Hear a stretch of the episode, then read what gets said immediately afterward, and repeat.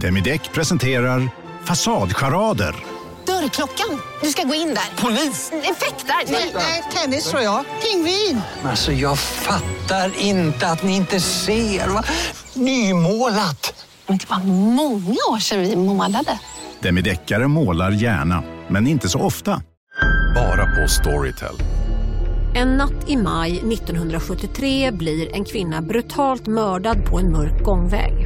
Lyssna på första delen i min nya ljudserie. Hennes sista steg av mig, Denise Rubberg. Inspirerad av verkliga händelser. Bara på Storytel. Du lyssnar på en podd från Perfect Day. Tjena, tjena! Tjena, tjena! Nu sitter vi här i mamma och pappas soffa den här veckan också. Ja, det gör vi syrran. Hur är läget? Jo då, det är helt okej. Vad betyder det? Eh, nej, men det är väl... eh, alltså just i den här stunden så känner jag mig okej. Du har börjat med studien nu? Ja, i Mm. måndags. Ja. var på KS i eh, tio timmar låg jag i en säng. Mm. Daily? Mm, jag skulle ha tagit med mig korsord och diverse annat för att det var, det var en lång dag. Ja, jag förstår det. Men nu vet jag det till nästa gång i alla fall. Gick allt bra då? Ja, alltså det gick bra. Jag fick, eh, vad heter det, immunterapi som är en del av studien. studien. Ja, och det har du inte heller fått på väldigt länge va? Nej, eller jag fick ju det när jag alltså, hade, i den andra studien, alltså Ja. i kombination med vaccinet. Men eh, nu fick jag det då i kombination med tabletter Okej. som jag ska äta. Nu har jag ätit det hemma också i fyra Mm. dagar. Och det är det som egentligen är studieläkemedlet, tabletterna? Ja, precis. Och Ja, sen i kombination med immunterapin som jag fick där. Men det var, eh, anledningen att jag var där i tio timmar var att de så här, varje halvtimme Mm. tog prover. Aha. Det fasades ut sen efter lunch, men innan lunch var det, alltså en gång i halvtimmen så kom de in och tog alltså, massa rör med blod. Åh jäklar. Så att det var, det var busy. Ja. Och det gör de för att se att allting är okej, eller bara så för att se hur... Nej, det är ju för studien. Ja, men vad är det de kollar efter då? Vet du det? Alltså det är väl mer mm, se om det händer något i kroppen. Jag, jag har ingen aning faktiskt. Nej, okej, blod. Alltså de flesta av studierna, eller stu, studierna, de flesta av Ja. proverna i studien, de är ju forskningsrelaterade. Ja. Så att det är ju så här, ja de bryr sig om mig, men de bryr sig också mer om forskningen. ja, men såklart. Det är ju så forskning bedrivs. Så, Ja, så precis. är det ju. Och du har ju sagt okej till det, så då är det väl bara att bita i det äpplet. Ja, nej men så är det ju. Men jag kände mig... Pappa kom ju och hämtade mig på kvällen sen jag tror jag var, åkte därifrån vid sju eller någonting. Ja. Då kände jag mig väldigt, eh, nej men jag kände mig väldigt så här ledsen, för jag, jag kände mig så ensam på dagen. Ja. För att det är ju, du vet, när man är på en forskningsavdelning, det, de har ju mycket att göra. och så här, Ja. Jag kände mig väldigt, jag bara låg där inne på mitt rum Ja. och bara kände att så här, kan inte någon bara komma och fråga hur jag mår? Eller... Ja. Så jag kände mig väldigt, utan att så här, jag vill inte hänga ut någon så. Men du men- Kände, sig, kände dig lite som ett eh, försöksdjur? Jag kände, ja, ja, Mm. precis. Jag kände mig väldigt övergiven. Alltså, jag Mm. kände så här, jag låg i många timmar utan att någon kom in och sa hej till mig. Mm. Så jag var väldigt ledsen när jag åkte därifrån, men, men sen, samtidigt kände jag också så här, jag tror att det handlar mer om att det var så länge sedan som jag var med i en studie nu, så det är ju så det funkar. Har det varit så varje gång? Eh, ja, men i stort sett så är det ju så. Mm. Det beror väl, beror väl lite på den andra studien jag var med i, var det mer så att de ville hålla koll på mig. Så var det ju inte nu, för att de hade ju inte räknat med att jag skulle få några biverkningar, så det var ingen som, det var ingen som var där och liksom behövde titta till mig. Nej, okej. Men jag kände mig men jag kände mig väldigt ensam. Ja. Så att, eh, det var, inte, det Det var var ingen kul härlig... att höra. Nej, det var inte alls en kul upplevelse. Jag tror, att, jag tror också att anledningen till att jag så här bröt ihop i bilen var att jag, jag var ju väldigt trött också. Mm. Så, att, eh, Mm. så var det med, med den dagen. Pappa fick höra allting i bilen. Ingen god mat och det var, det var ensam och det var... Vad sa pappa då? då? Ja, nej, det är inget bra, sa han. Men Sofie var Vad faktiskt hälsade- validerade dina känslor där, var det skönt? Ja, det var, det var väldigt skönt. Ja, Nej, men Sofie var faktiskt där och hälsade på mig. ja mysigt. Så det var höjdpunkten eh, på dagen. Ja. Det var väl bra? Ja, nej men det var, alltså det, det var en okej dag. Det är bara så här, ibland, alltså så tror jag det är för alla människor, ibland är det bara skönt om någon frågar så här, hur mår du? Ja, självklart. Eller, hur känner, eller vill du ha vatten? Eller Ja. du vet, alltså, du vet, de små sakerna. Det, men det, det är ju de små sakerna som är viktiga i slutändan. Ja, det är det jag känner. Jag vet Ja. inte om jag hade lite, liksom för höga förväntningar på... Nej, jag vet inte. Ja, okej. då Vi behöver hoppas... inte prata mer om det, utan eh, det var, jag, jag, jag, jag känner bara så här, nu vet jag ju inför nästa omgång, alltså om typ en vecka, att, så här, nej men att det är, jag kommer ligga där själv. Mm, Och nästa gång är det 12 timmar. mm. Så att, eh, ja. Då får du bara preppa lite bättre för det då. ja, alltså hade jag bara haft någonting att göra hade det varit fine. Ja, Men eh, det kanske syster kan komma och hälsa på mig. ja det kanske jag kan.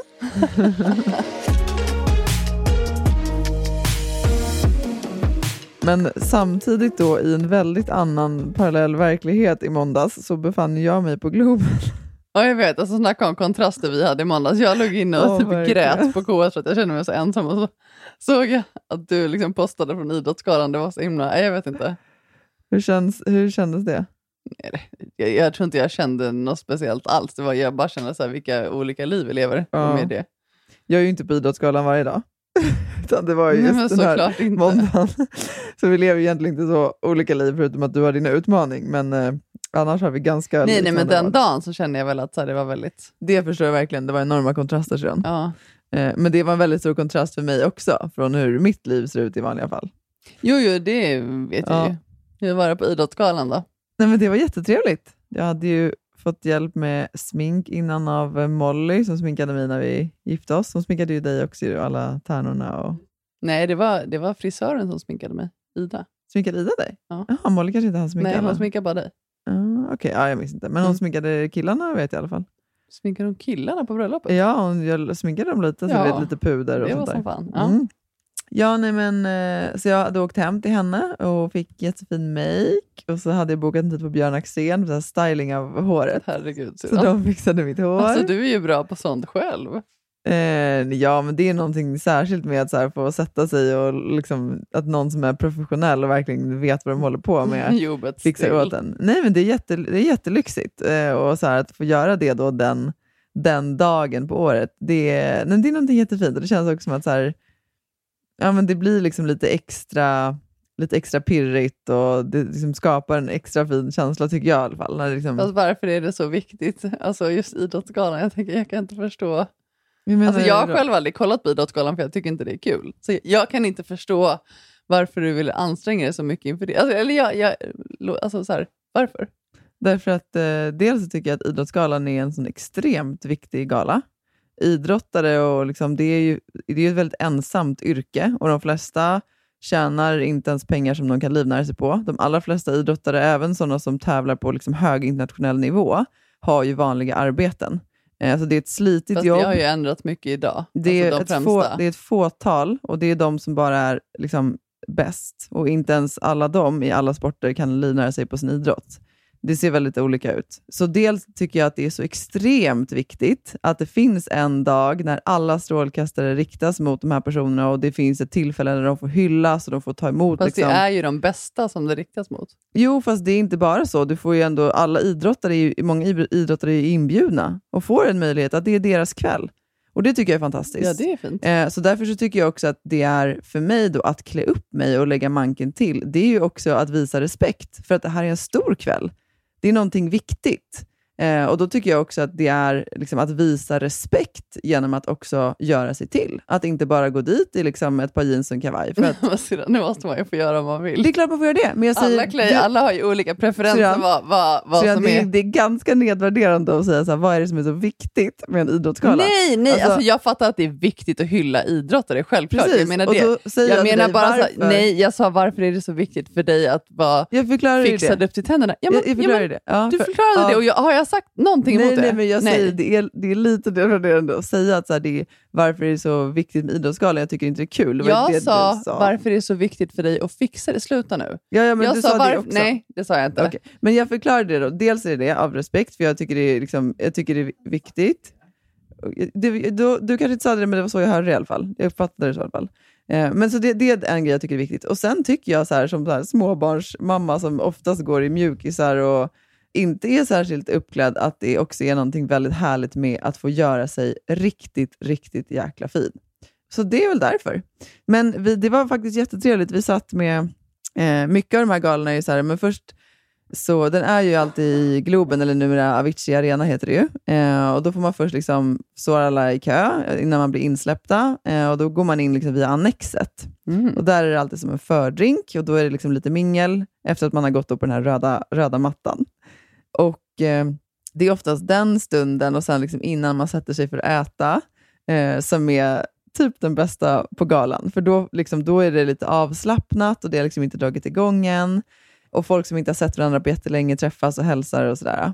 Och jag och Lasse har ju gått på den galan tillsammans sedan 2009 tror jag det är. Jag är ju alltid hans plus en, för det är han som är inbjuden. Men det har också gjort att så här, jag känner igen många som har varit där och som jag vet är Lasses bekanta och så vidare. Så det är jättekul att så här, få hälsa på andra och ja, vet, bara, det är väldigt så här, glad och fin stämning. Jag kan tänka mig det. Ja.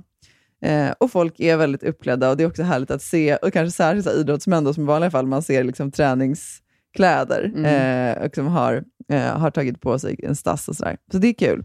Och vi satt ju med Tessan med Alshammar, eh, och hennes mamma, och sen satt vi med Ara Abrahamian, hans fru, gamla brottaren, Mm. och sen Martin Lidberg, som också är gammal brottare. Mm. Eh, och sen hade han med sig en kille som heter Ove Rytter.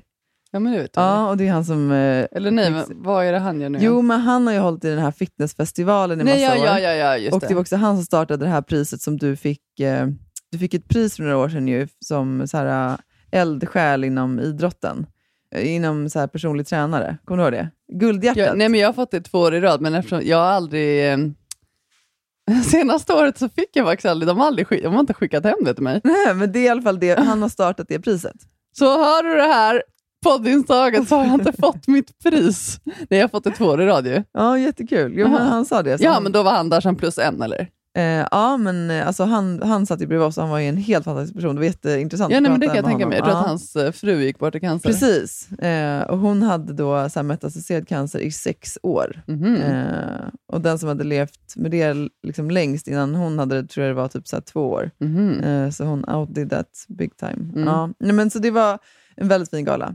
Men det jag, alltså dels är så här då att, ja, men som jag var inne på tidigare, att så här, få se idrottare hyllas och ja, men att, så här, att det finns, det finns ett, liksom ett rum för, för alla dem och det tycker jag är väldigt fint. Men det som jag oftast blir så mest, eller det skapar i alla fall väldigt mycket reflektion hos mig, eh, för att det finns ett pris som delas ut av Generation Pep. Känner du Mm. till vad det är för Mm. organisation? Jag vet inte exakt vad det är. Nej, men det är ju prins Daniel som startade det för massa år sedan. Och Carolina Klüft är ambassadör och hon, hon jobbar även där tror jag, som så marknadschef eller någonting. Mhm. Och Det de gör, det är egentligen att de försöker liksom inspirera unga till mer rörelse. Men de pratar om det, tycker jag, på ett sånt intressant sätt. För De pratar om att unga... Alltså till, inspirerat till idrott, eller? ja, men till rörelse generellt. Okej, ja. Eh, eftersom vi är så stillasittande. ja. Men det de pratar om är att unga ska ha rätt, eller att unga har rätt till rörelse. ja. Och jag tycker det är ett sånt intressant ordval. Mm. För att jag tror att man ibland... Ja, men ibland känns det som att så här, vuxna har glömt bort att det, är, liksom, det borde vara en rättighet för unga. Alltså, Mm. Vi vuxna har ju det ansvaret någonstans att se Mm. till att våra barn rör på sig. Mm. Och hur viktigt det är. Men det tror jag, alltså det hänger ihop också med att vuxna blir också allt mer stillasittande. Absolut. Det är klart att, det, att många barn blir det också. Ja. Alltså det hänger ihop. Är man väldigt stillasittande vuxen, då kanske det är ganska givet att barnen väljer tv för att leka liksom, i skogen och springa omkring. Jo, men jag tänker oavsett om man är stillasittande eller inte, för det känns ju som att som vuxen jag, för det känns som att så här, det är mer så det ser ut nu. Alltså folk, Barnen kommer hem och sitter med sina telefoner eller med sina paddor eller spelar. Ja. Precis. Eh, men att man sitter still. Jag menar, kommer du ihåg hur det var när vi var små? Vad gjorde vi när vi kom hem från skolan? För det första så cyklade vi oftast hem. Vi smygkollade tv ibland. Jag har ingen minne av det. Men det var när vi var äldre, kunde inte ihåg det? Vi fick absolut inte titta på tv på dagarna för mamma och pappa. Nej, men då måste vi ha varit betydligt äldre. Ja, men då- jag ja, menar och när man var i liksom så här skol... Säg du mellan liksom så här 6 och 12 år. Ja, ja, Gick nej, vi men hem då- och kollade på TV? Nej, nej, men, nej men vi fick ju inte det. Nej, det fick vi ju inte. Det, nej, precis. Men, ja, men det jag var ju också vi så, här, oavsett. så var det men ju bara- för alla som vi umgicks med. Alltså det, var ju, det var ju ingen av våra kompisar heller som satt och tittade på TV. Nej, på men man- dagtid. Man eller? aktiverade ju sig.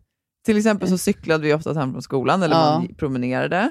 Och sen var det liksom bara fint väder, då var man ju liksom alltid ute och lekte. Ja, precis. Vi gjorde ja, men byggde saker. koja och Ja, lekte vinken. Och... Och när vi bodde så, så att vi hade grannar, ja, men då var, vi ju, var man ute och lekte med grannarna. Alltså det var Ja. hela tiden, man rörde på sig, alltså i vardagen på ett annat Ja. sätt. Och sen så sprang man in när det var mat. Liksom. Ja, nej, men vi fick ju titta på tv på helgerna ibland. Ja. Men då väckte ju vi, vi har säkert pratat om det tidigare, men då väckte ju vi mamma och pappa på helgen och så här, för att fråga, får vi sätta på tvn? Ja. Och antingen sa de ju så här, nej, ni får sova lite till. Eller så sa de så här, ja men en liten stund kan ni titta. Ja. Så det var ju verkligen, det var inte, jag menar vi hade ju inga mobiler och Nej, men det fanns ju datorer, inte på sånt fanns sätt. ju inte då. Nej, men och det är det jag slås då så mycket av, att så här, alltså hur sjukt viktig idrotten är. Ja. Och det tycker jag ibland att, för det har jag tänkt på också i skolorna, så här, var, var är det man kapar tid? Ja, men det har ju varit så många år att man, så här, man drar bort tid på idrotten. Ja, idrottslektionerna, de, de blir bara kortare och kortare. Jag jobbade ju som vikarie, idrottsvikarie för många år sedan, det kommer Ja. du ihåg?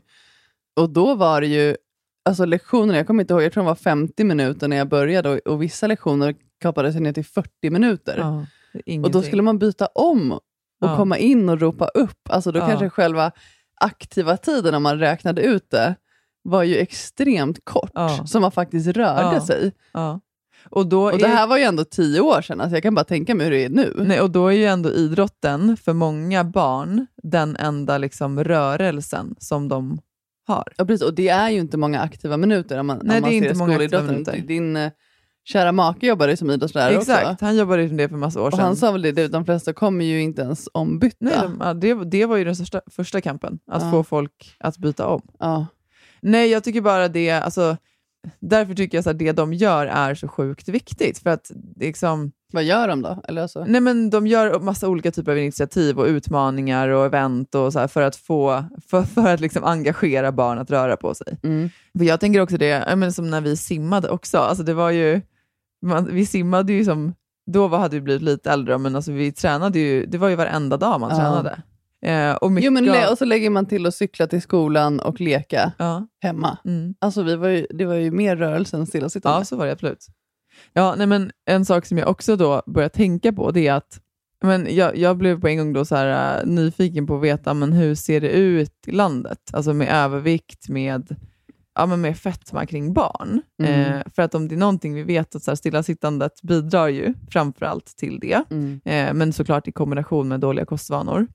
Men då gick jag in och kikade på Folkhälsomyndigheten och eh, det här var ju bara liksom statistik från den senaste jag kunde hitta var från 2018-2019 och då vet man ju till exempel att under pandemiåret eh, så ökade ju övervikten drastiskt. Alltså bland barn? Ja, bland Ja. barn. Alltså bland alla, men Ja. särskilt bland barn och unga eftersom de som hade liksom, fasta punkter och eh, liksom, aktiviteter, allt det togs ju bort. Ja, just det.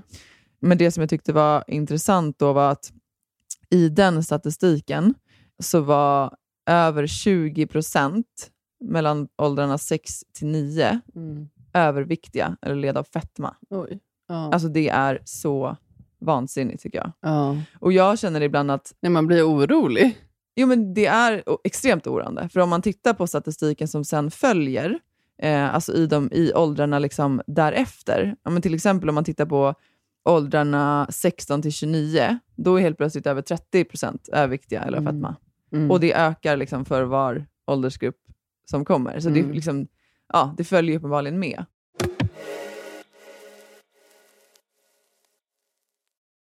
Denna vecka är vi sponsrade av. Hello Fresh. Nej, Men vi har ju en jätteklurig kod till er idag, eller hur? Ja, alltså den är ju den är superbra men den är lite svår att säga. Det är Ja. bara det. Säg den. Vi säger den flera gånger. Flash sys. Hur stavar man det då? Då, då har vi eh, Flash först. F-L-A-S-H S-Y-S. Flash sys. Bra, nu kommer ni ihåg det, ni kommer inte glömma Nej. det. Och vad gör ju egentligen den här koden för er då?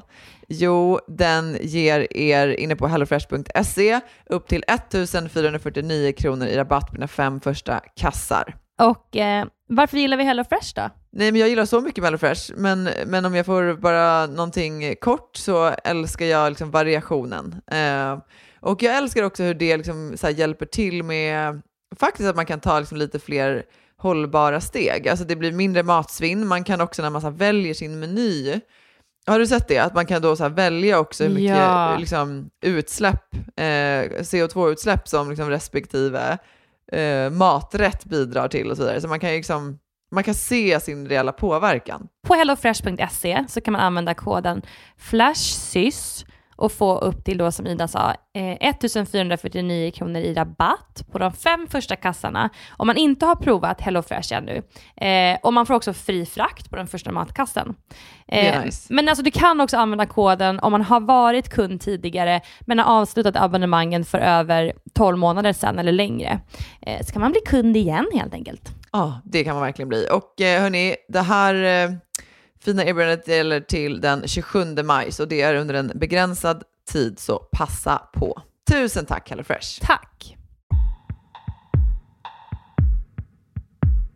Men det som jag tycker är också så här problematiskt är att jag upplever i alla fall, jag vet inte om du håller med mig om det Sören, men att det här som vi pratar om nu är liksom, det är väldigt knepigt att prata om. Ja, Eh, för att så fort man gör det så blir det ibland att handla om att man vill liksom skamma barn. Och många ropar ju högt om att så, men det, det är vansinnet kring liksom, utseendefixeringen och liksom, ätstörningar, det är den riktiga problematiken, inte att barn liksom, har, har lite för mycket hull och så vidare. Men jag tycker att det är så sjukt viktigt att man måste kunna prata om det här, Mm. att barn är alldeles för stillasittande, att barn är för överviktiga, att barn äter för dåligt, samtidigt som det inte... Det handlar ju inte om utseende egentligen, det handlar ju om hälsa. Precis. Och det är det och som är... få liksom Exakt. in rörelsen som en naturlig del av livet. Exakt. Ja, men så som vi och alla våra liksom, umgänget, alltså tidigare generationer egentligen växte upp. Ja. Nej, jag tror... Men det är ju det är, ju- det är svårt. Alltså, det är också så här, som sagt, alltså, vi har ju många i vår närhet som jobbar inom skolan och barn vill ju inte röra på sig på samma sätt. Nej. Alltså det är så här protester för att ens gå in på idrotten och Nej, det är ju svårt. Jag vet. Alltså, jag, jag förstår ju föräldrar också med barn som bara vill spela. Ja, men hur gör man då? Jo, men där, och jag fattar att det här är, är o, liksom, det här kommer folk tycka är, är liksom obekvämt eller obehagligt att höra, men jag känner så här, om man är förälder och om man är vuxen, men särskilt om man är förälder, med det så följer ett visst ansvar. Mm. Och i min värld så är det absolut största ansvaret den du har för din barns hälsa. Alltså det är liksom, någonstans, så det är det alla föräldrar vill, att, man, att barnen ska må bra, Mm. att de ska få växa upp och vara friska. Det är liksom Ja. det absolut viktigaste som, som de flesta föräldrar kan skriva under på. Mm. Och då tänker jag så här att om vi nu vet hur liksom förödande övervikten är, och det är ju inte bara för utseendet, det är en enda sak som kan göra att det blir stigmatiserat. Men ja, för det har ju egentligen ingenting med saken att göra. Nej, utan det som är problematiskt är att det påverkar ju energi, Ja. det påverkar sömn, det påverkar liksom koncentrationsförmågan, Mm. det påverkar rörlighetsförmågan. Alltså det påverkar allt. Det påverkar Mm. hormoner, det, det påverkar liksom ditt liv till det Mm. grövsta. Och då tycker jag tyvärr att liksom den bittra sanningen är den att så här, hur jobbigt det än är, så måste man ta det ansvaret som förälder. Det är inte skolans ansvar att få barnen att röra på sig. Nej. Jag tycker absolut att vi ska ha mer idrott i skolorna, men ansvaret att få barn att röra på sig, det ligger hos oss som föräldrar. Ja, men verkligen. Vi måste aktivera våra barn. Mm. Det är liksom, det är våran, det, det liksom, det, it comes with a job. Mm. Så är det bara, hur jobbigt det än är. Hur, hur gärna någon än vill spela. Nej men inte it comes with a job, alltså alla gör ju sina egna val syrran. Nej men jag Det tycker det. finns ju inget, ja men du, jo, jo precis. Jag men jag det. menar så här, det finns ju inget facit på hur man ska göra som förälder, där är ju din personliga åsikt. Ja, min personliga åsikt Ja men är bara att man du som är förälder... tydlig med det. Ja. Jag, jag säger precis det. Min personliga åsikt är att man som förälder har ett väldigt stort ansvar för att se till att sina barn rör på sig Ja. och håller sig friska. Eh, och, och jag tror att hur jobbigt det än är, det är klart att våra barn också mycket hellre ligger i soffan och kollar på TV en lördag. Ja. Det, då måste ju jag och Lasse stålsätta oss och vara så här, nej, nu går vi ut, nu gör vi någonting, nu tar vi Ja. en promenad, eh, nu åker vi och åker skridskor, eller vad det än må vara. Hur ja. jobbigt det Ja precis, än är. de vill ju välja TV. Ja, men vem vill inte det? Det är Nej. jätteskönt att ligga i soffan. Ja. Och jag menar bara att så här, ska man få bukt på den här utvecklingen, som om man går också in och tittar på Folkhälsomyndigheten, där man ser att den, har bara, den, den stegrar hela tiden. Mm. Det är liksom ingen avstannande kurva, utan det går stadigt uppåt. Då måste man göra någonting. Mm. Och för mig är så här, den riktiga pandemin i det här samhället, det är övervikten och vart vi är på väg. För det också är ju en grogrund för ohälsa. Det vet vi ju. Det är ju Mm. då, det är då du får liksom allvarliga sjukdomar och nedsatt liksom, Fast livskvalitet. allvarliga sjukdomar, kolla på mig, det beror inte bara på det sidan. Nej, men Elin, om man tittar i statistiken på de allra mest vanligaste liksom, sjukdomarna så är de i huvudsak Jo, livsstilsrelaterade. jo, jo så såklart, är det ju. så är det ju. Man kan absolut inte förebygga all sjukdom, men man kan förebygga mycket. Jo, jo, men verkligen. Men jag menar, det är ju inte ett problem bara i Sverige, det här är ju ett problem i hela världen. Det är klart det är det. Och jag tror att vi i Sverige också ibland har varit så här, ja, ja men det är så mycket värre i andra länder. Eh, och så har vi liksom kanske, för så är vi generellt kring mycket i Mm. Sverige, med jämställdhet eller vad det än Mm. är. Medan vi behöver nog också titta oss själva i spegeln och Mm. liksom reflektera över vad vi håller på med. Mm.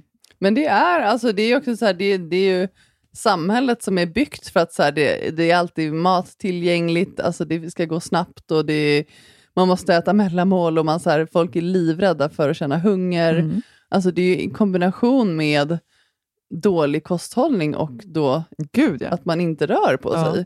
Och det är ju, jag tror också så här om man, nu har inte jag egna barn, men jag tänker så här om man, om man får med sig väldigt dåliga kostvanor hemifrån och ingen rörelse, då är, då är säkert sannolikheten ganska stor att man fortsätter leva så när man blir äldre också. 100 procent. Min man brukar alltid säga det att så här, barn, alltså, vi ärver ju våra föräldrars DNA, men i huvudsak så ärver vi våra föräldrars matvanor. Mm. Och hur liksom viktigt det därför är. Och Det är en sån Mm. sak som vi har pratat om ibland, att så här, för det, det är en sån sak som jag också har hört liksom runt omkring mig, att många ibland lagar en maträtt till sig och sin respektive. Mm. Alltså föräldrarna äter någonting och barnen äter någonting annat. Mm. För att barnen vill ha korv, och makaroner och ketchup och då slipper man liksom bråket vid middagsbordet och man vet att de i alla fall äter och får i sig Mm. någonting. Och så lagar man kanske då till sig själv en kycklingfilé och broccoli och en sallad. Mm. Och det tycker jag det är, så här, det är också problematiskt, att så här, laga samma mat till Mm. alla. Mm. Om du själv äter på ett sätt för att du vill ge din kropp bra näring, gör då samma sak till dina barn. Mm. Hur jobbigt det än är, ja, de, då får de väl protestera. Men det är återigen, så här, vem, är, vem är föräldern? Vem är den vuxna? Vem är det som ska ta ansvar för de här sakerna i familjen? Mm. Det är men ju det är, väldigt, det är ju inte det barn. är ett väldigt känsligt eh, ämne att prata om. Det borde ju inte vara det. Och det är det jag tycker är, alltså det borde inte vara. Nej, nej, det borde inte vara det, men det är också så här, det är ju... Nej, men det, alltså, jag tycker att det är, är jobbigt att prata om det, för att, utan att det känns som att man så här, att man skammar på något sätt. Alltså, det, är- det, det är liksom det sista man gör. Alltså, det, jag, alltså, vad- för det, och, jag tycker mer att det är viktigt att prata om just för att det är så här oroande för framtida generationer. Det är med det. Ja, men för, för då tänker jag också så här, vem är det egentligen man skammar genom att prata på det här sättet? Nej, men jag vill inte skamma någon människa. Alltså, alla får nej, leva jag som de vill. vem är det som, som skulle kunna känna skam för att man pratar så här, ja det kanske är jobbigt som förälder att höra att så, ah, fan, jag borde ge mig mer grönsaker. Men då är jag så här, det, liksom, då kanske det får vara okej. Så har ju jag känt många gånger om jag känner att ah, nej, men det blir för mycket stillasittande hemma hos oss. Då kanske det är bra för mig att jag får känna att nej, jag borde, barnen borde röra på sig mer. Att jag Mm. får den tankeställaren. Mm. Alltså, missförstå mig rätt, det är inte alltid dåligt med skam. Om det nu kommer sig av att så här, ah, fan, jag borde nog ta tag i det här, eller vi borde Mm. nog äta mer grönsaker. Då Mm. kanske det får vara så. Ja, precis. Men vad är det den här generation pepp gör då? Alltså, Ja, men till exempel så här, har de något så här initiativ nu på, jag minns inte exakt när de sa att det var, men under våren där man ska så här, samla ihop eh, hopp. Alltså så här, i, fami- i familjer och skolor, så att man ska så här, hoppa tillsammans. mm. Eh, så de gjorde ett, eh, en sån sak då på Idrottsgalan, där de fick alla i liksom klackar och sina lackskor, killarna, och, så här, och då, jag tror det var under 15 sekunder, så skulle alla göra så här jumping jacks. Mhm, så hela Globen gjorde det. under så det, så det är ett sånt, så här, de gör, så, så får, Mm. är det då eh, att de, man ska, kan dela med sig då på sociala medier och Mm. inspirera andra till att göra samma sak. Eh, så att för, för att få igång rörelse, och det handlar ju mycket om att göra det enkelt. Och man hittar kanske glädjen i att röra sig också, så att det inte bara Exakt. blir något så här... För jag, menar, jag tror att många, ja, men kanske vuxna också, då, att man ser rörelse som något, ja, men det är bara jobbigt, det är, man måste göra det, det är tvång och det är så här.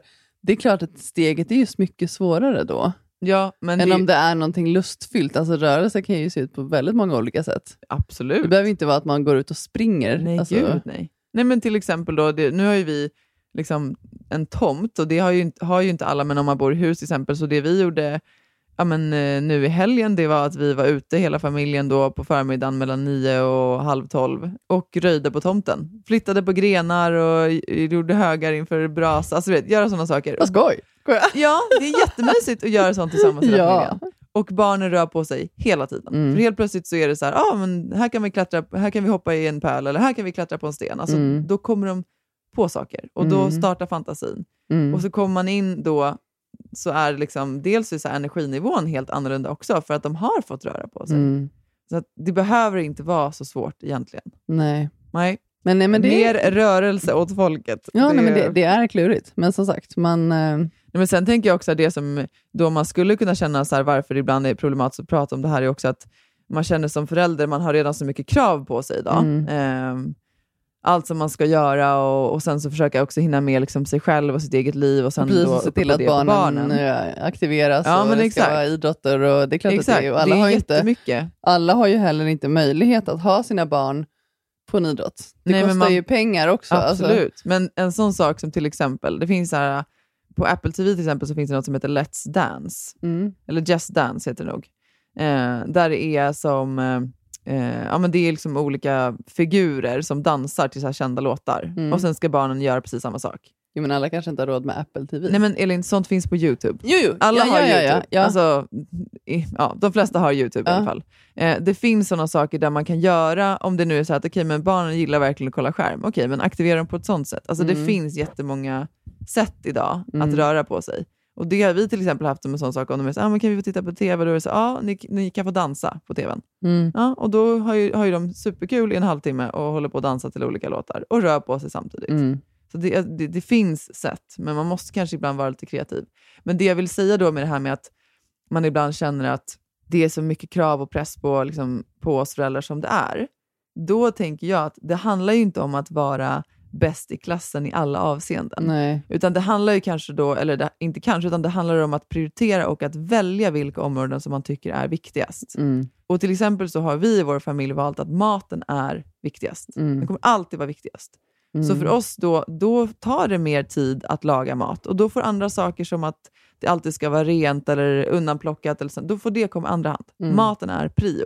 Mm. Och jag tror att det handlar snarare om det, att så välja vad är viktigt för oss. Om nu maten är viktig och man vill förändra den, men välj då att lägga mycket fokus just där och då. Mm. Och så får andra saker komma sekundärt. Mm. Ja, nej, men det är, det är ett bra tips. Ja, mer rörelse åt folket. Ja, jag menar man kan ju diskutera det här hur länge som helst, men återigen, alltså, det handlar inte om att skuldbelägga eller att säga vad som är rätt och fel, utan det handlar ju mer om att så här, jag vet inte, alltså tiderna har förändrats. Det är inte som när vi växte upp och man blir, som sagt, mer och mer stillasittande, så, så någonting behöver ju liksom förändras där. Ja, och jag tycker att det är helt okej att säga att det är fel att sitta för mycket still. det, är liksom, så är det bara. Det är inget som man behöver... Svårt för mig att säga som sitter still hela dagen. Jo, men Siran, du förstår vad jag menar. Jag förstår vad du menar, jag, jag bara så här, Ja, jag vet det. Men, ser det från from another perspective. Alltså jag menar bara så allt är inte svart eller vitt hela tiden. Alltså jag menar, jag menar bara så här, det finns... Det är klart det är det, men om man alltid ska ta höjd för alla som ifs and buts and maybe and if, eh, perhaps not, då blir det väldigt svårt att ha ett samtal också. Jag är helt övertygad om att om man har barn som av någon anledning inte kan röra på sig, så är det klart att man någonstans också då får låta det landa i att så här, jag har andra förutsättningar. Men generellt, så de allra flesta barnen har möjlighet till att ta en kort promenad, Mm. till att göra någonting, eh, om man inte är svårt sjuk. ja, och ja, de- men Bör göra det. Men bör. Sedan, alltså jag, då, där är din personliga, jag kommer inte pekpinna någon människa. Men jag Utan- pekpingar Jo men du säger ju Ja, man jag- bör. ja, ja, det är ju man- pekpinna. Man bör röra på sig om man ska ha en god hälsa. Vi ser att så många drar åt ett håll där fettman bara ökar och ökar och ökar. Då är det helt 100% okej att säga att vi bör röra på oss mer. Ja, okej. Det är inte konstigt överhuvudtaget. Nej. Nej.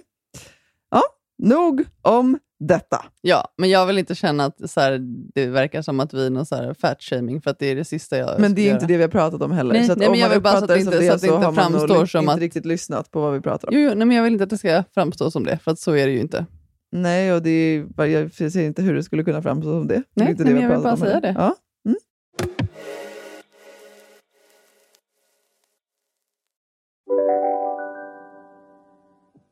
Om en yogamatta är på väg till dig, som gör att du för första gången hittar ditt inre lugn och gör dig befordrad på jobbet men du tackar nej för du drivs inte längre av prestation. Då finns det flera smarta sätt att beställa hem din yogamatta på. Som till våra paketboxar till exempel. Hälsningar Postnord. Dåliga vibrationer är att skära av sig tummen i köket. Ja! Bra vibrationer är ett och en tumme till och kan scrolla vidare. Alla abonnemang för 20 kronor i månaden i fyra månader. Vimla! Mobiloperatören med bra vibrationer. Här sitter jag i en ljudstudio tillsammans med ett sjölejon för att berätta att McDonalds nu ger fina deals i sin app till alla som slänger sin takeaway förpackning på rätt ställe. Även om skräpet kommer från andra snabbmatsrestauranger, exempelvis Eller till exempel Ja, precis. Men då kan jag ju tipsa också om om man är helt stillasittande, som jag är till exempel. Ja. Då äter man ju väldigt bra istället. Gör du det? Men det är väl klart, jag, ät, jag har väl alltid ätit jättebra. Jo, jo, men det är inte samma sak som bara för att man sitter still så äter man bra. Jag är ju nästan tvärtom. Nej, att, jag bara säger mer- det att jag gör det såklart. Ja. Även om jag har varit helt stillasittande så ser jag ju till att äta väldigt, väldigt bra. Mm, Och det är ju, är ju jättebra. Ja, men såklart. Ja, men jag menar bara att det är inte alltid... Oftast så tycker jag att det är tvärtom. Alltså att om man är stillasittande, till exempel om du sitter och spelar mycket. Jag såg, för det var också något Men nu som... pratar jag om vad man kan göra då, om man kanske inte kan röra sig, som jag inte har kunnat Nej, göra det, i perioder. jättebra då. får man ju då Fokusera på, på vad man stoppar i sig. Det handlar inte bara om rörelsen. Exakt, det är det jag försöker Precis, säga om också. jag hade legat hemma här i 6-7 veckor och bara ätit chips och pizza, då hade jag nog inte mått så superbra. Då hade du mått ännu sämre. Ja, men förmodligen. Ja. Ja. Nej, men det, det är ju intressant i sig också, för de som fick pris i- i år då för Generation Pep, det Mm. var nämligen en organisation som aktiverar eh, barn och unga som håller på med e-sport. Mhm. För e-sport växer ju liksom explosionsartat. Ja, precis. Ehm, och det de berättade då var att inom e-sporten, så du sitter ju still, det är ju Mm. det du gör när du Mm. spelar, Ehm, men så äter du också väldigt dåligt. Ja. För att du blir väldigt trött, du sitter i många timmar, så det är mycket cola, det är mycket chips, det är mycket godis. Alltså, egentligen bara sånt som kroppen egentligen inte behöver. Nej. Så att det var mer det jag menade för, för egen del. vet jag Om jag har en period där jag äh, har varit mycket mer stillasittande eller inte fått till rörelse, då känner jag sällan mig mer benägen att äta nyttigt, utan jag känner snarare tvärtom. För då blir man också tröttare, slöare Mm. och då blir man oftast mer sugen på skit. Ja, så är det ju. och Det tycker jag är problematiskt också med, alltså som jag ser, alltså bara i min omgivning på Karolinska, kanske många som är i samma situation, att man så här, nej jag bara skiter i det här, jag äter massa skit istället. Mm. För att då, alltså som sagt, alltså, valet för mig att äta väldigt, väldigt bra i den här situationen, det är klart att, det, det är klart att jag hellre hade ätit en påse chips till middag. Mm. Men jag gör ju inte det. Nej. Men det är svårt, alltså, för, för det är också så här, någonstans så hänger det ihop med också hur man, hur man mår, alltså på in, hur kroppen mår på insidan. Ja, men tror du inte också Och det är att- det som jag tycker är väldigt så här, problematiskt också, till exempel på, ja, men på Karolinska, nu ska jag inte liksom hänga ut det, men maten man får där är ju, alltså den är ju proppad med e-ämnen och liksom konserveringsmedel och det är liksom, för mig är det, det jag, alltså, jag har väldigt svårt att förstå det. Mm. Att det är det man ger människor som redan har en utmaning. Mm. Som redan är sjuka. Ehm. Ja, nej, men om något borde ju maten egentligen på sjukhus vara den främsta. Ja, också så här, det, jag, jag, det, är så här, det är förbjudet när man är med i en studie att äta vitaminer och Mm. tillskott, men, men de säger liksom ingenting med folk som proppar i sig Snickers och cola och det är färdig mat. och så här. Alltså för mig är det så här, hallå? Men det handlar väl också om att så här, om du äter alltså, tillskott och vitaminer så är det svårt för dem att avgöra om det kan eventuellt ha varit det som har påverkat din hälsa eller om det eventuellt stör det du ska få eftersom de inte vet tillräckligt mycket om det. Så det handlar väl bara om så här, du vet, Jo, fast det är ju vitaminer som finns i maten. Nej, men jag, jag, jag, alltså, Alltså för jag mig, håller ju med för dig. Jag tycker det, är bara så här, nej, men för mig, jag, jag det är väl för att den liksom kliniska stud, alltså, liksom studiemetoden fungerar så pass fyrkantigt. Jo, men det är också så här, då får man äta hur mycket skit som möjligt, men det, hur, påverkar inte det kroppen? Jo, det är klart att det gör. Men de ser det inte riktigt så. Alltså man dricker massa sötningsmedel och det är aspartam och så här. Ja, men vad, vad sker med det i kroppen då? Ja, nej, men... Alltså påverkar inte det? Alltså jag, jag förlåt, alltså jag, jag, jag, är bara så, jag, jag kan inte förstå den. Nej, ja, det håller jag med om. Det är konstigt. Men tror inte du också, jag, jag tänker så här, det du sa med att, eh, att vissa bara äter skit om man ligger inne, men tänker du inte att det också kanske handlar om Nej, att... men det handlar nog mer om emotional, att man är så här, jag kan unna mig det här för det jag mår så dåligt och det är så hemskt. Och... Jo, men jag menar också att om man mår väldigt dåligt, jag vet ju inte liksom, hur det är, men du, du får ju säga om jag har, fel då, men jag föreställer mig att om man mår väldigt dåligt och det finns liksom väldigt lite saker att se fram emot eller väldigt lite saker att liksom glädjas över, Mm. kan det inte vara så då att till exempel att äta någonting gott som är liksom en påse chips eller en Snickers, det kan liksom vara den lilla njutningen Ja, men, som, alltså, som jag liksom förstår det. känns viktig. Jag förstår då. det till 100%, men för mig har det varit också så här, ja, men som socker, det inflammerar ju kroppen. Mm. Vill jag ha det i min redan väldigt liksom, kropp som kämpar med, med väldigt mycket? För mig är valet så här, nej, absolut inte. Nej. Det är därför jag undviker det också. Det är så här, det är klart, jag förstår folk som är så här, vill unna sig och det är hemskt, och så här, men jag har ju valt att så här, nej men jag vill ju inte göra det värre för min kropp. Jag vill inte att min kropp ska kämpa ännu mer. Nej. Så därför äter ju jag bra. Jag hade resonerat samma, på samma sätt. Men sen en annan och det aspekt... handlar ju inte om det- att jag inte vill unna mig. Det handlar om att så här, för mig är det viktigare att min kropp mår bra på insidan Mm. än att unna mig en Snickers. Då hoppar jag över den Snickersen. Mm. För jag vet att det kommer inte göra mig bra i längden. Nej. Nej, men det jag tänker är svårt med den delen också är att så här, för det har ju gjorts, inte jättemycket studier men det har gjort några studier på kopplingen till exempel med socker. Mm. Och det är ju ganska, liksom, det läkarna i alla fall säger är att så här, nej, men det har ingen som helst påverkan. Och så Ja. finns det många som menar att det har visst en påverkan. Ja. Alltså till exempel glukoset och sockret är väldigt tydligt kopplat till cancertillväxten. Men- ja, läkarna säger att det nej, skapar finns ingen evidens. Ja, precis. Det finns ingen evidens för det. Så det jag menar är att så här, det är också så att de säger ju såklart att det spelar ingen roll vad du äter. Det är så Mm. de säger.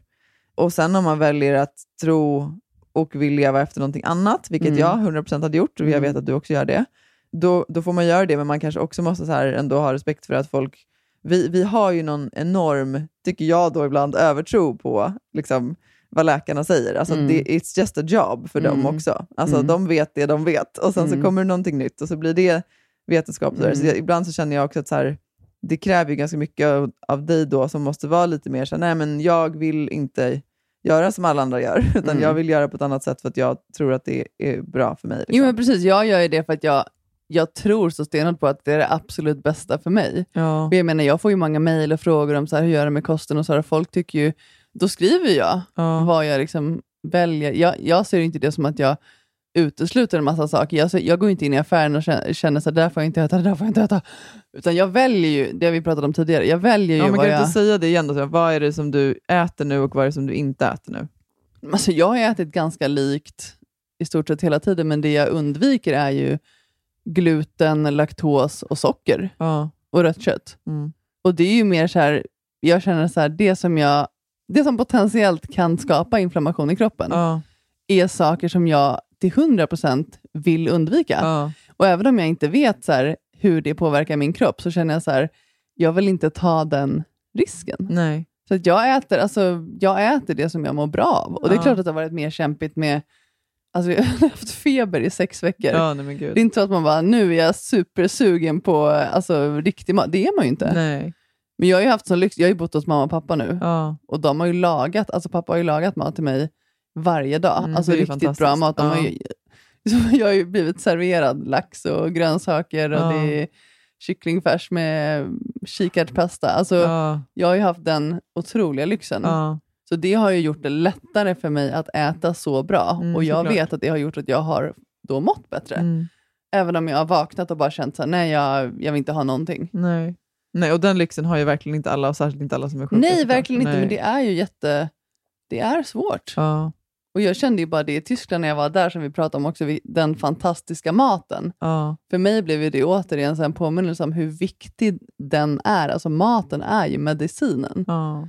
Så det är ju det, så här, oavsett om man är i en utmaning som jag är, eller så här, om man är trött eller stressad mycket, alltså man kan ju påverka det mycket med den, det man stoppar i sig. Mm. Så är det ju. Mm. Pappa står här bakom och säger chips och öl är klockrent. ja, ibland i vissa sammanhang. Är inte du förkyld nu? Så det, hade, det hörde inte du säga. Mamma och pappa åt pizza till middag igår också, kan vi lägga till. Ja, men det är väl jättegott. ja, ja, det är gott. Alltså jag menar bara så här, alla gör ju sina val vad man mår bra av. Exakt. Så, så är det. Pappa sa ju precis, ni hörde inte det, men han sa att jag har ingen övertro på chips och öl. Jag har mer en realistisk uppfattning kring vad det gör med kroppen. Ja, precis.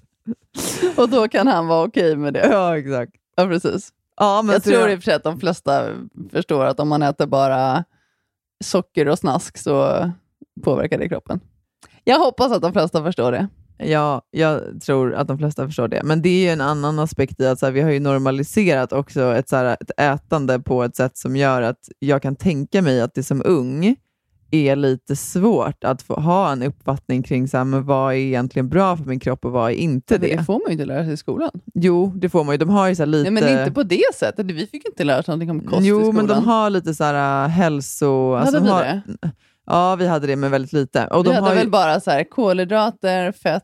Jo, exakt. Men, och de har ju lite sån lära numera i, i, inom idrotten, för det är idrott och hälsa. Så de har lite sånt. Det har de absolut. Jaha, för jag har inget minne. Så vad sov jag på den lektionen när vi var back in the days? Nej, men jag har inget minne av att vi Nej, men det är inte, det. vi, vi kanske inte hade det, men nu, numera så har det, det är ändå, för det vet, jag från när Lasse var lärare, att de har en del sånt. Ja, men då har de lagt till det nu, vilket är bra. Ja, det är jättebra. För jag tänkte, Nej, men så jag annars menar- förstår man ju inte sambandet. Alltså så här, jag vet inte, det är svårt att förstå att så här, hur det påverkar kroppen om man inte vet det. Nej. Alltså om det är i vardag. Men sen liksom. är väl ett annat problem är väl också så här, alltså, takten som nya produkter kommer till marknaden är ju såklart en helt annan än takten som liksom, forskningen bedrivs i. Ja, men verkligen. Så det är ju därför någonstans också kanske handlar om att så här, men vi måste nog addera lite sunt förnuft i den här ekvationen. För att om vi hela tiden bara ska lyssna på så, okay, men exakt vad har nu Livsmedelsverket eller Folkhälsomyndigheten sagt att så här, vad är okej och vad är inte okej att äta, då ligger man hela tiden ett steg bakom, tror jag. Mm. Eh, Men, men om man tittar på, ja, men till exempel när jag ibland åker in till, till jobbet och sitter på penna på morgnarna, då sitter ju väldigt ofta unga människor med liksom en Red Bull eller eh, en Cola ehm, till frukost. Till frukost. Mm. Och någon bar. Liksom. Och det tror jag också, så här, för det finns ju också överallt och alla äter det, alla dricker det och då har det också blivit som att så här, men vadå, alla gör ju det. Det, Ja. vad är liksom, Nej, men det det är väl ju inget det konstigt med det. Nej, så ja, det. Exakt. Så jag tror att mycket, och så här, ja, det är som du säger också, så här, men samhället har ju liksom någonstans också satt oss i en position där snacks alltid finns tillgängligt och vi ska aldrig vara hungriga. Och, så här. och jag tror att mycket i livet, och särskilt när det kommer Jo, men till också det det här. här speciellt, till exempel Snickers-reklamen. Ja, jag vet inte. Nej, men som är så här, ja, man får en dipp, då ska man ta en Snickers. Liksom. Ja, nej, nej, precis. Alltså det är ju det man ser. Ja, ja nej, och jag, jag tänker att det, som, det är så med mycket i livet, men särskilt när det kommer till sånt här också, att man måste våga liksom lite ställa sig utanför systemet. Mm.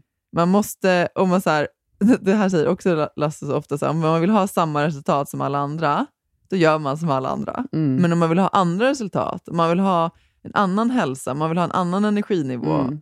Då måste man göra någonting annorlunda. Mm.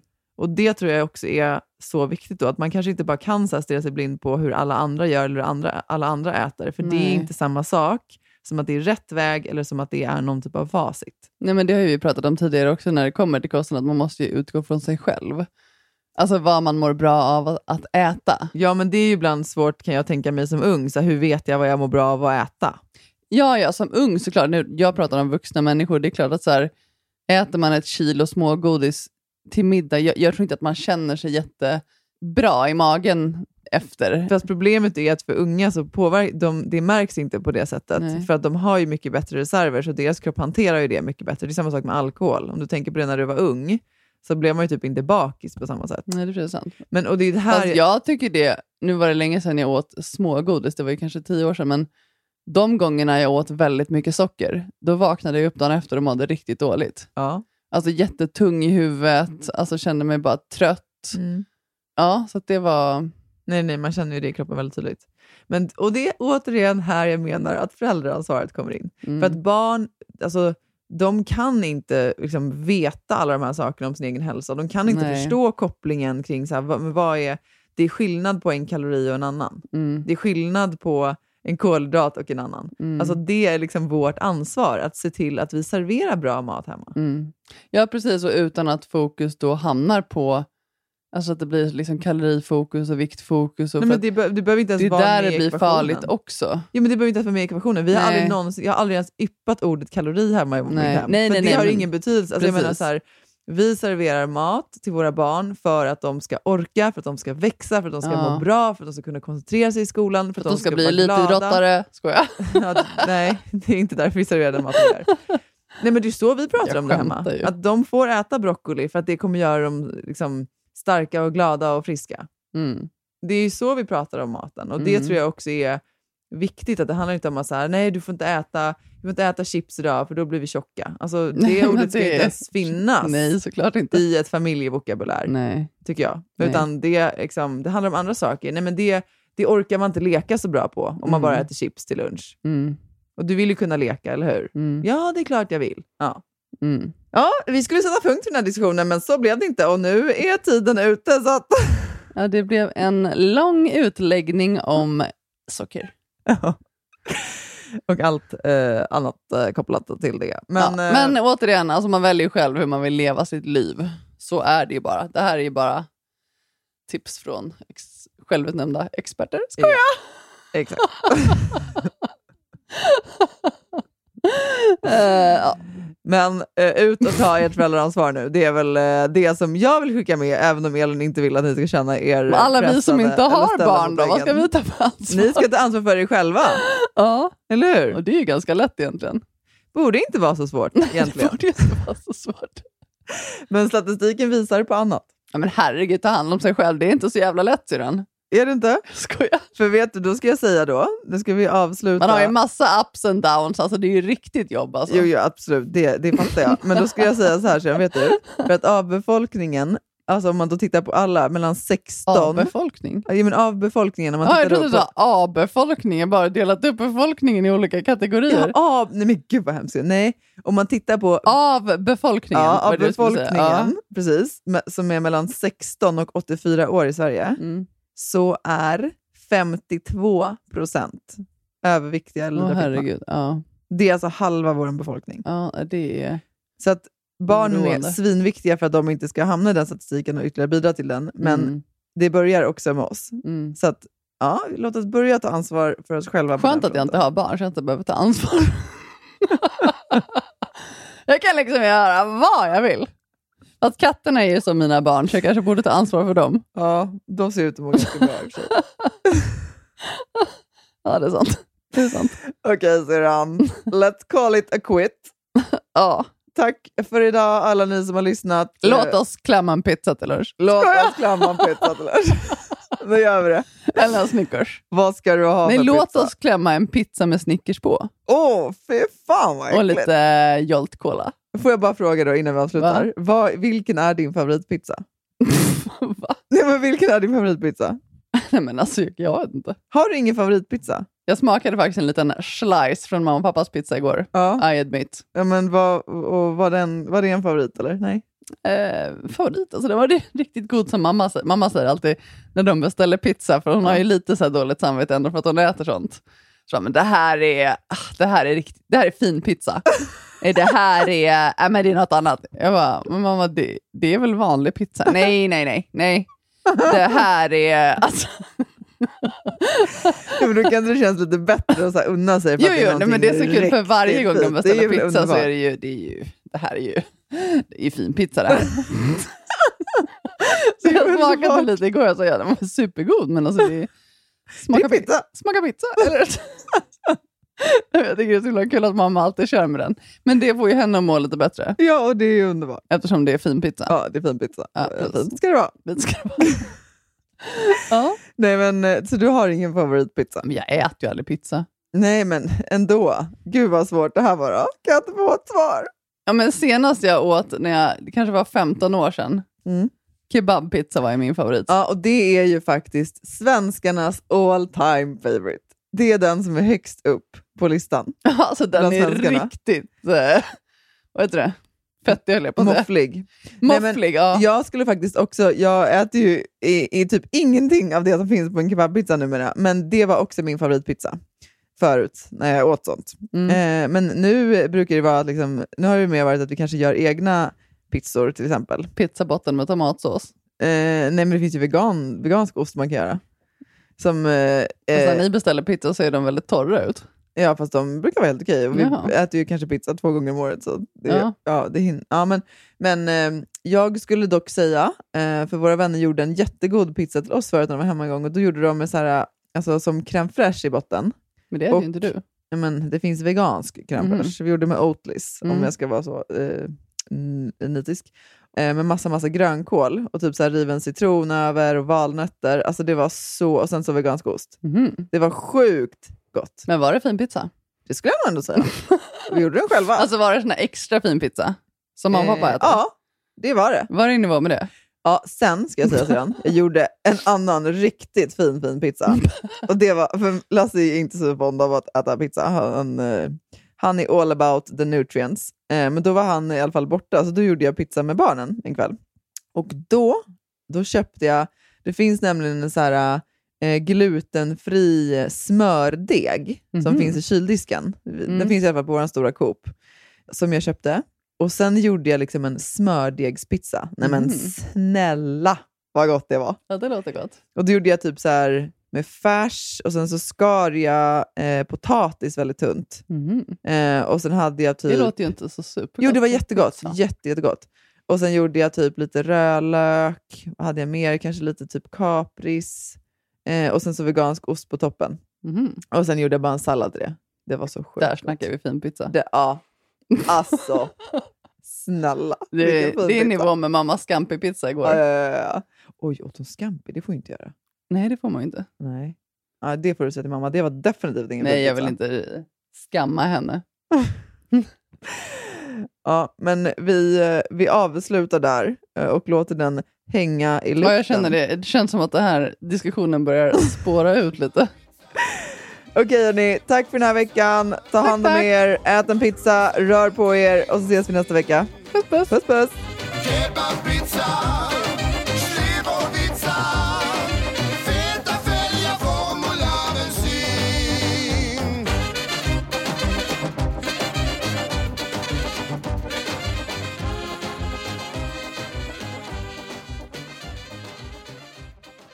Den här podcasten är producerad av Perfect Day Media.